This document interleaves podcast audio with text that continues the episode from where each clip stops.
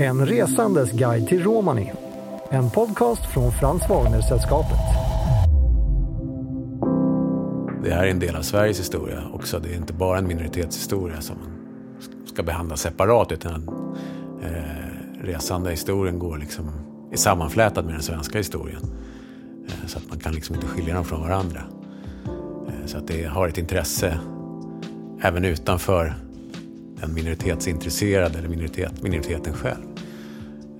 Så det finns alla skäl för att ta del av det här som en intressant del av Sveriges historia också. Hej och välkommen till ett nytt avsnitt i poddserien En resandes guide till Romani. Jag heter Robin Tinglöf och gör den här podden tillsammans med Jon Pettersson på Frans Wagner-sällskapet. I tidigare avsnitt har vi fått reda på att de första romanitalarna kom till Sverige redan på 1500-talet. Och idag har vi med oss en gäst som ska få berätta lite gärna om sin forskning i det här ämnet. Ja, jag heter Sebastian Kasinge och eh, har ägnat väldigt mycket tid eh, åt arkivforskning, eh, kanske 25 års tid, om resande och försöka få en, en, en djupare förståelse för resandes historia eftersom den historien har varit så oskriven, får man säga, osynlig. Så har jag arbetat för Fransk i ett projekt om eh, romanibelägg i Sverige från äldsta tider fram till 1900-talet. Att försöka sammanställa och ja, synliggöra den kunskap som finns på enskild hand och har flyttit runt här och där, men som inte har fått någon samlad form. Mm. Så det var ett projekt jag jobbat med till 2021. Mm. Mm. Um, Hur har det gått till då? Hur gör man den forskningen? Ja, alltså det var ju delvis handlar det ju om att sammanställa befintlig kunskap som flyter runt på nätet eller som kunniga människor har i sina byrålådor. Men det var också rätt mycket som jag och några andra personer har sett på i våra arkivforskning. Eh, när man letar efter någonting helt annat. Mm. Eftersom eh, romani-beläggen är ju ofta är, är nedtecknade, de är ju alltid nedtecknade av, av, av majoritetsbefolkningen, alltså mm. majoritetssamhället. Så det handlar om domböcker eller mm. förhör och så här. Och då framkommer olika situationer som är typiska när de här romanibeläggen dyker upp i källorna. Det är ju ofta eh, när det uppstår en konfliktsituation eller när man kanske, någonting händer som några av de inblandade vill dölja. Det, romani har använts som ett hemligspråk i stor utsträckning. Eh, alltså för att vara obegripligt för utomstående. Och det är ju den typen av användning av romani som går igen i domböcker och från 1600-talet och framåt. Eh, då kan det vara att vittnen har hört att de här personerna i fråga har talat, bytt till ett obegripligt språk. Eller eh, ja, Någonting liknande sånt. Och sen så kanske det följ, blir följdfrågor. Vad är det här för språk? Eller, men, mm. men när du har gått i arkiven och ja, dels vart någonstans hittar man det här liksom? I, så? Och, och, när du har då läst det här, kan du se att det är romani då? Är det liksom likt? Alltså det, det handlar ju om eh, det som finns i våra landsarkiv. Mm. Eh, kilometervis med handlingar. Och eh, bland alla de här handlingarna så finns det till exempel domböcker och där, man, där själva målet handlar om någonting helt annat. Men i sådana här Eh, förhör så kan det här komma som en lite i förbigående. Att när det här hände så talade de med varandra på ett okänt språk.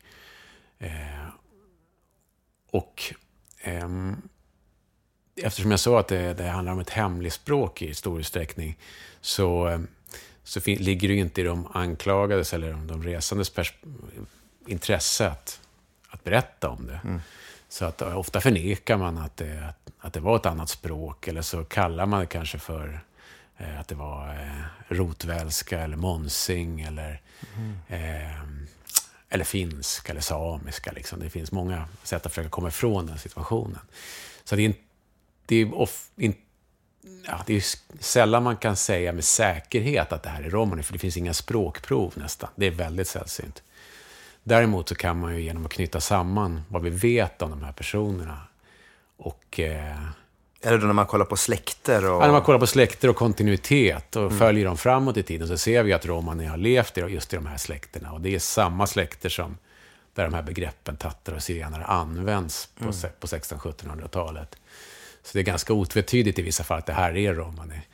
Eh, det, det, kan ju till och med stå att de pratar på det språk som zigenarna plägar använda. Det här är som 1600-tals nedskrivningar. Men i andra fall så står det bara att, att det är ett obekant språk. Eh, och så. Men det finns också en del nedteckningar av, av glosor och, och meningar mm. redan från tidigt 1700-tal. Som då liksom bekräftar det här att, vi, att, att romanen finns ju här mm. i Sverige. Spännande. Det känns som ett digert arbete att gå igenom. Ja, det är ju, det är ju frukten av så mycket timmars arbete eh, som, som många människor har gjort. Då, så att det, det, är väldigt svårt att hitta det här bara för att mm. man letar efter. Utan det är det som framkommer när man är på jakt efter någonting annat. Just det. Jag ser dig framför mig i något arkiv med sådana här dammiga böcker som du går fram till och så blåser man, så kommer lite damm och så hittar du den här skatten. Det ja, kanske det, inte går till så. Det, du fick det låta kanske mer spännande än vad det normala arkivbesöket är. Ja. Eh, men um, generellt då, det kan man ju säga, det som framkommer då är att det finns några typiska situationer när de här beläggen tenderar att nedtecknas. Mm. Eh, det är efter att något dramatiskt har hänt. Man kanske vill eh, komma undan eller, eller eh, ge instruktioner på något sätt. Och då har man bytt till det här, det här obekanta språket. Mm. Och det är då vittnena har hört det. Och, och, ofta kan man också, jag sa att det kan säga obekant språk, men ibland kan det just sägas att skojarnas språk eller mm. eh, häktmakarspråk var ett sånt där gammalt benämning också. Okay. Eh, så att folk har känt till också att det har funnits att skojarna, eller resan, eller vad man nu använde för begrepp i den tiden, hade ett eget språk mm. på landsbygden. Så man kan ibland bli förvånad att man inte ställer fler följdfrågor. Varför man i en by i, i inre Dalarna liksom får besök av några som plötsligt byter från svenska till ett annat språk. Mm. Och, men, eh, men det verkar ju ha varit någonting som man kände till att det här fanns. Mm. Och Sen kan man också säga att vi vet att det har funnits flera hemliga språk i Norden. Mm. Utöver romani. Eh, vi vet att eh, det har funnits något som kallas häktmakarspråket. Mm. Eh, det finns inga språkbelägg, men det används i samband med eh, eh bödelsläkter, skarprättarsläkter. Mm. Eh, man kan misstänka att det ofta rör sig om rotvälska, den här eh, nordeuropeiska Just det där som var äh, från, lite från tyskan och så. Ja, det någon slags blandning där. Precis, ett hemligt språk. Just precis. Som används. Eh, mm. I alla fall, jag skulle tro i de flesta fall så, mm. så är det rotvälska. Men det finns ju också den här Monsing då, som västgötaknallarna, mm. de gårdfarihandlarna använde. Eh, som finns belagd sedan tidigt 1700-tal den också. Och ibland så går de här, har de här hemligspråken påverkat varandra lite grann också. Mm, mm. Och jag tror att många av de här talarna kunde även fler än ett hemligt ja. språk. Men jag tänker, det som du sa, att det är ganska ofta kanske dramatiska händelser eller det är mm. no någonting man ska dölja eller kanske domprotokoll och sådär. Hur har eh, det påverkat synen på de här människorna i forskningen?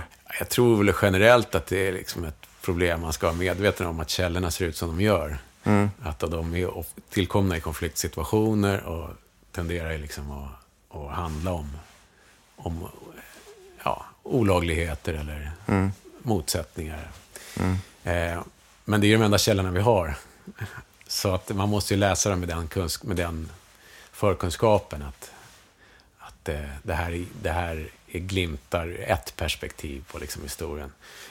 Till exempel finns det ju liksom i senare nedteckningar av romani bland resande som på 1900-talet, då finns det ett mycket rikare vokabulär för en mängd företeelser som aldrig är aktuella i de här gamla domböckerna. Liksom. Mm. Där handlar det om eh, kniv eller eh, stjäla och sådana saker som är såna centrala glosor som kan dyka upp.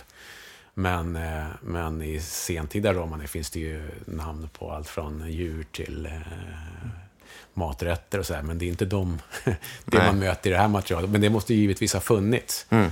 Eh, men det kom inte eh, varken rätten eller, eller ja, allmogen i kontakt med de situationerna. då. Så att man måste ju ha, som alltid liksom ha förkunskap för det, att källäget ser ut som det gör.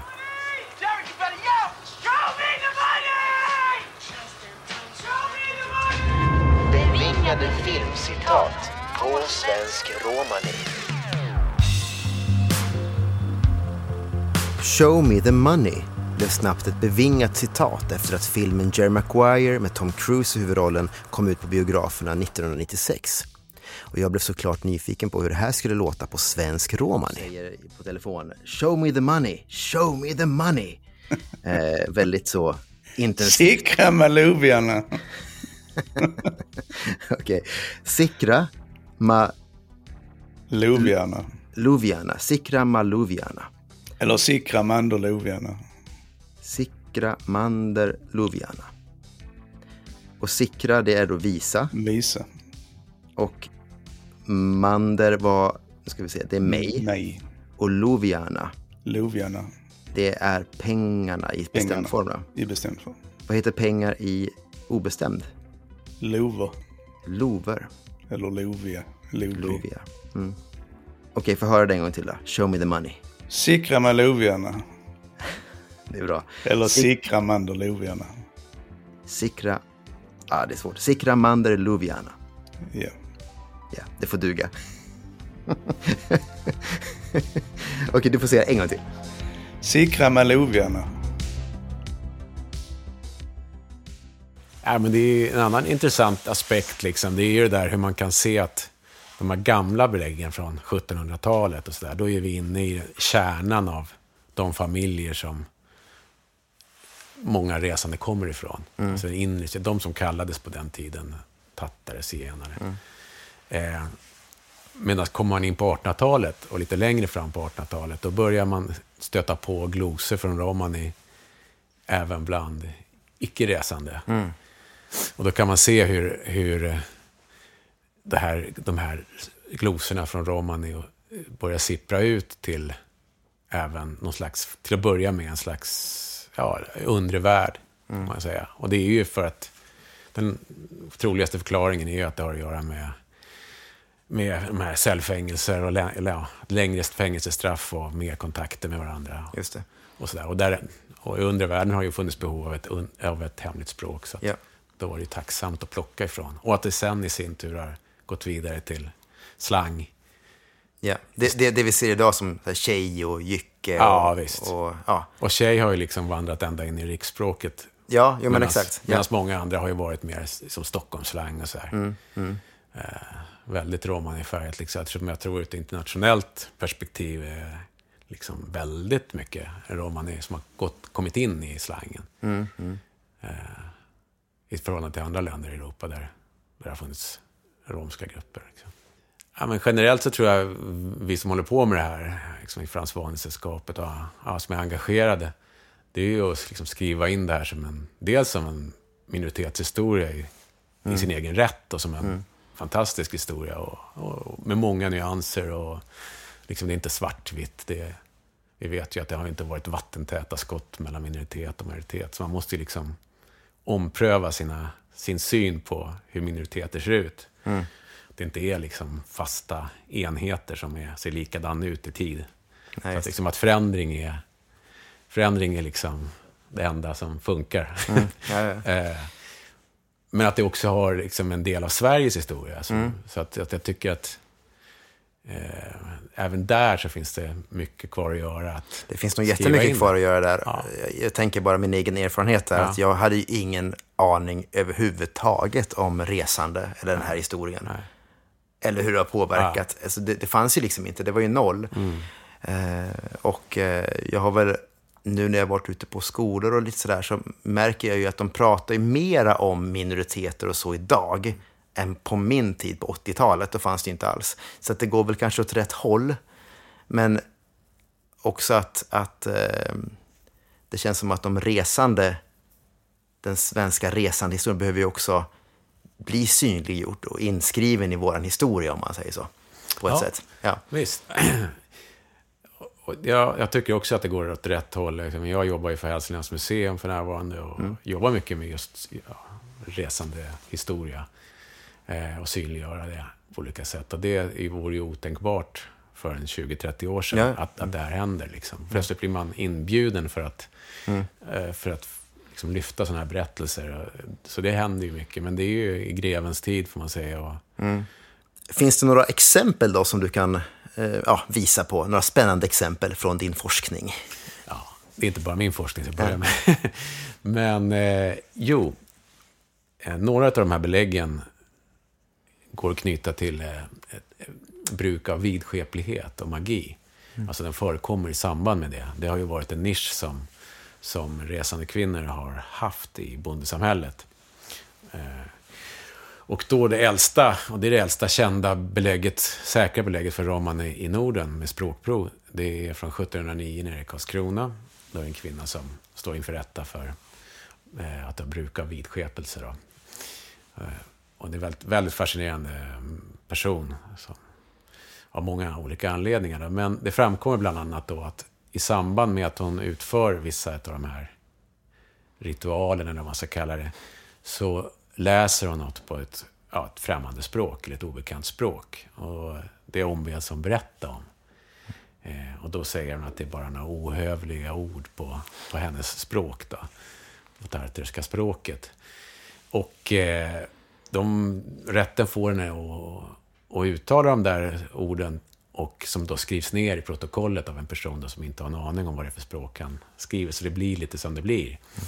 Eh, och det där, den där meningen då är den äldsta meningen som finns på Romani i Norden. Och den är ju uppenbart, eh, eh ja, det är uppenbart romani, men man har inte helt knäckt, kunnat knäcka hela meningen. Man kan bara ha olika teorier. Men inledningen är väldigt ohövlig, om man säger så. Eh, och eh, ganska vulgär. Så att det står också i rättegångsprotokollet att hon översatte. Men det var för, just för eh, ohövligt för att man skulle skriva ner på svenska. Är det för ohövligt för podden? Ja, det är faktiskt ohövligt. Men det kommer, en, eh, det kommer en stor bok någon gång i framtiden om allt det här. Okej. Och sådär. En- Det är den, och det är hon inte den enda då som eh, hamnar i rätten i en liknande situation där man har hörts prata på ett annat språk i samband med att man har utfört någon vidskeplig handling. Eh, så att eh, det är en tradition där romanin uppenbarligen har varit- med. Och då kanske det har varit också liksom att man driver narr med liksom själva situationen fast på sitt eget språk. Eh, fast då det verkar lite hemlingsfullt. Så här. Det, var, det finns någon, någon av de här kvinnorna som, som berättar om, eller som har hamnat i den här situationen. Efter att hon har utfört den här handlingen och talat på det här eh, okända språket så säger hon i, i en bisats till, till de som är närvarande, jag ser lapskorna de kan de. och blandar ihop korten liksom. Ah. Var, var hon kommer ifrån. Hon anspelar på att hon var någonting annat än, än vad hon var. Eh, det är en, den ena. Och den här från 1709 med Adamsdotter, det är ju en flekterande romani som alltså böjs på ett annat sätt än, följer en annan grammatik än svenskan. Så, eh, så den finns ju där på 1700-talet och det finns även ett annat belägg från slutet av 1740-talet. Då är det några glasförare och militärer, eller det är två stycken personfamiljer eh, som är glasförare för Kosta glasbruk nere i Småland. Alltså Kosta Boda typ? Ja, precis. Jaha. För glashandel då var ju en eh, viktig eh, inkomstkälla för, för de resande vid den här tiden. Dessutom så blev man laglig när man handlade med glas. Så att därför var många glashandlare vid sidan av sina kanske militära karriärer. Ehm, två av de här personerna har hamnat i, i arresten i, jag tror om det är Karlskrona också kanske. Ehm, och då har man då snappat upp en lapp som de har skickat mellan varandra i cellerna. Och den är delvis på svenska, men den har också en, en mening då på, på romani. Eh, där man hälsar någonting till, till varandra. Då. Eh, som också är på flekterande romani. Som liknar den romani då, som, som talas i, finns belagd i Tyskland till exempel. Så att vid den här tiden så är de kulturella skillnaderna nog inte stora mellan eh, stora geografiska avstånd. Liksom. Du har hört ett avsnitt ur poddserien En resandes guide till Romani. Producerad 2023 av Tinglöv Optimus för Frans Wagner-sällskapet. Vill du veta mer, gå in på www.franswagner.org.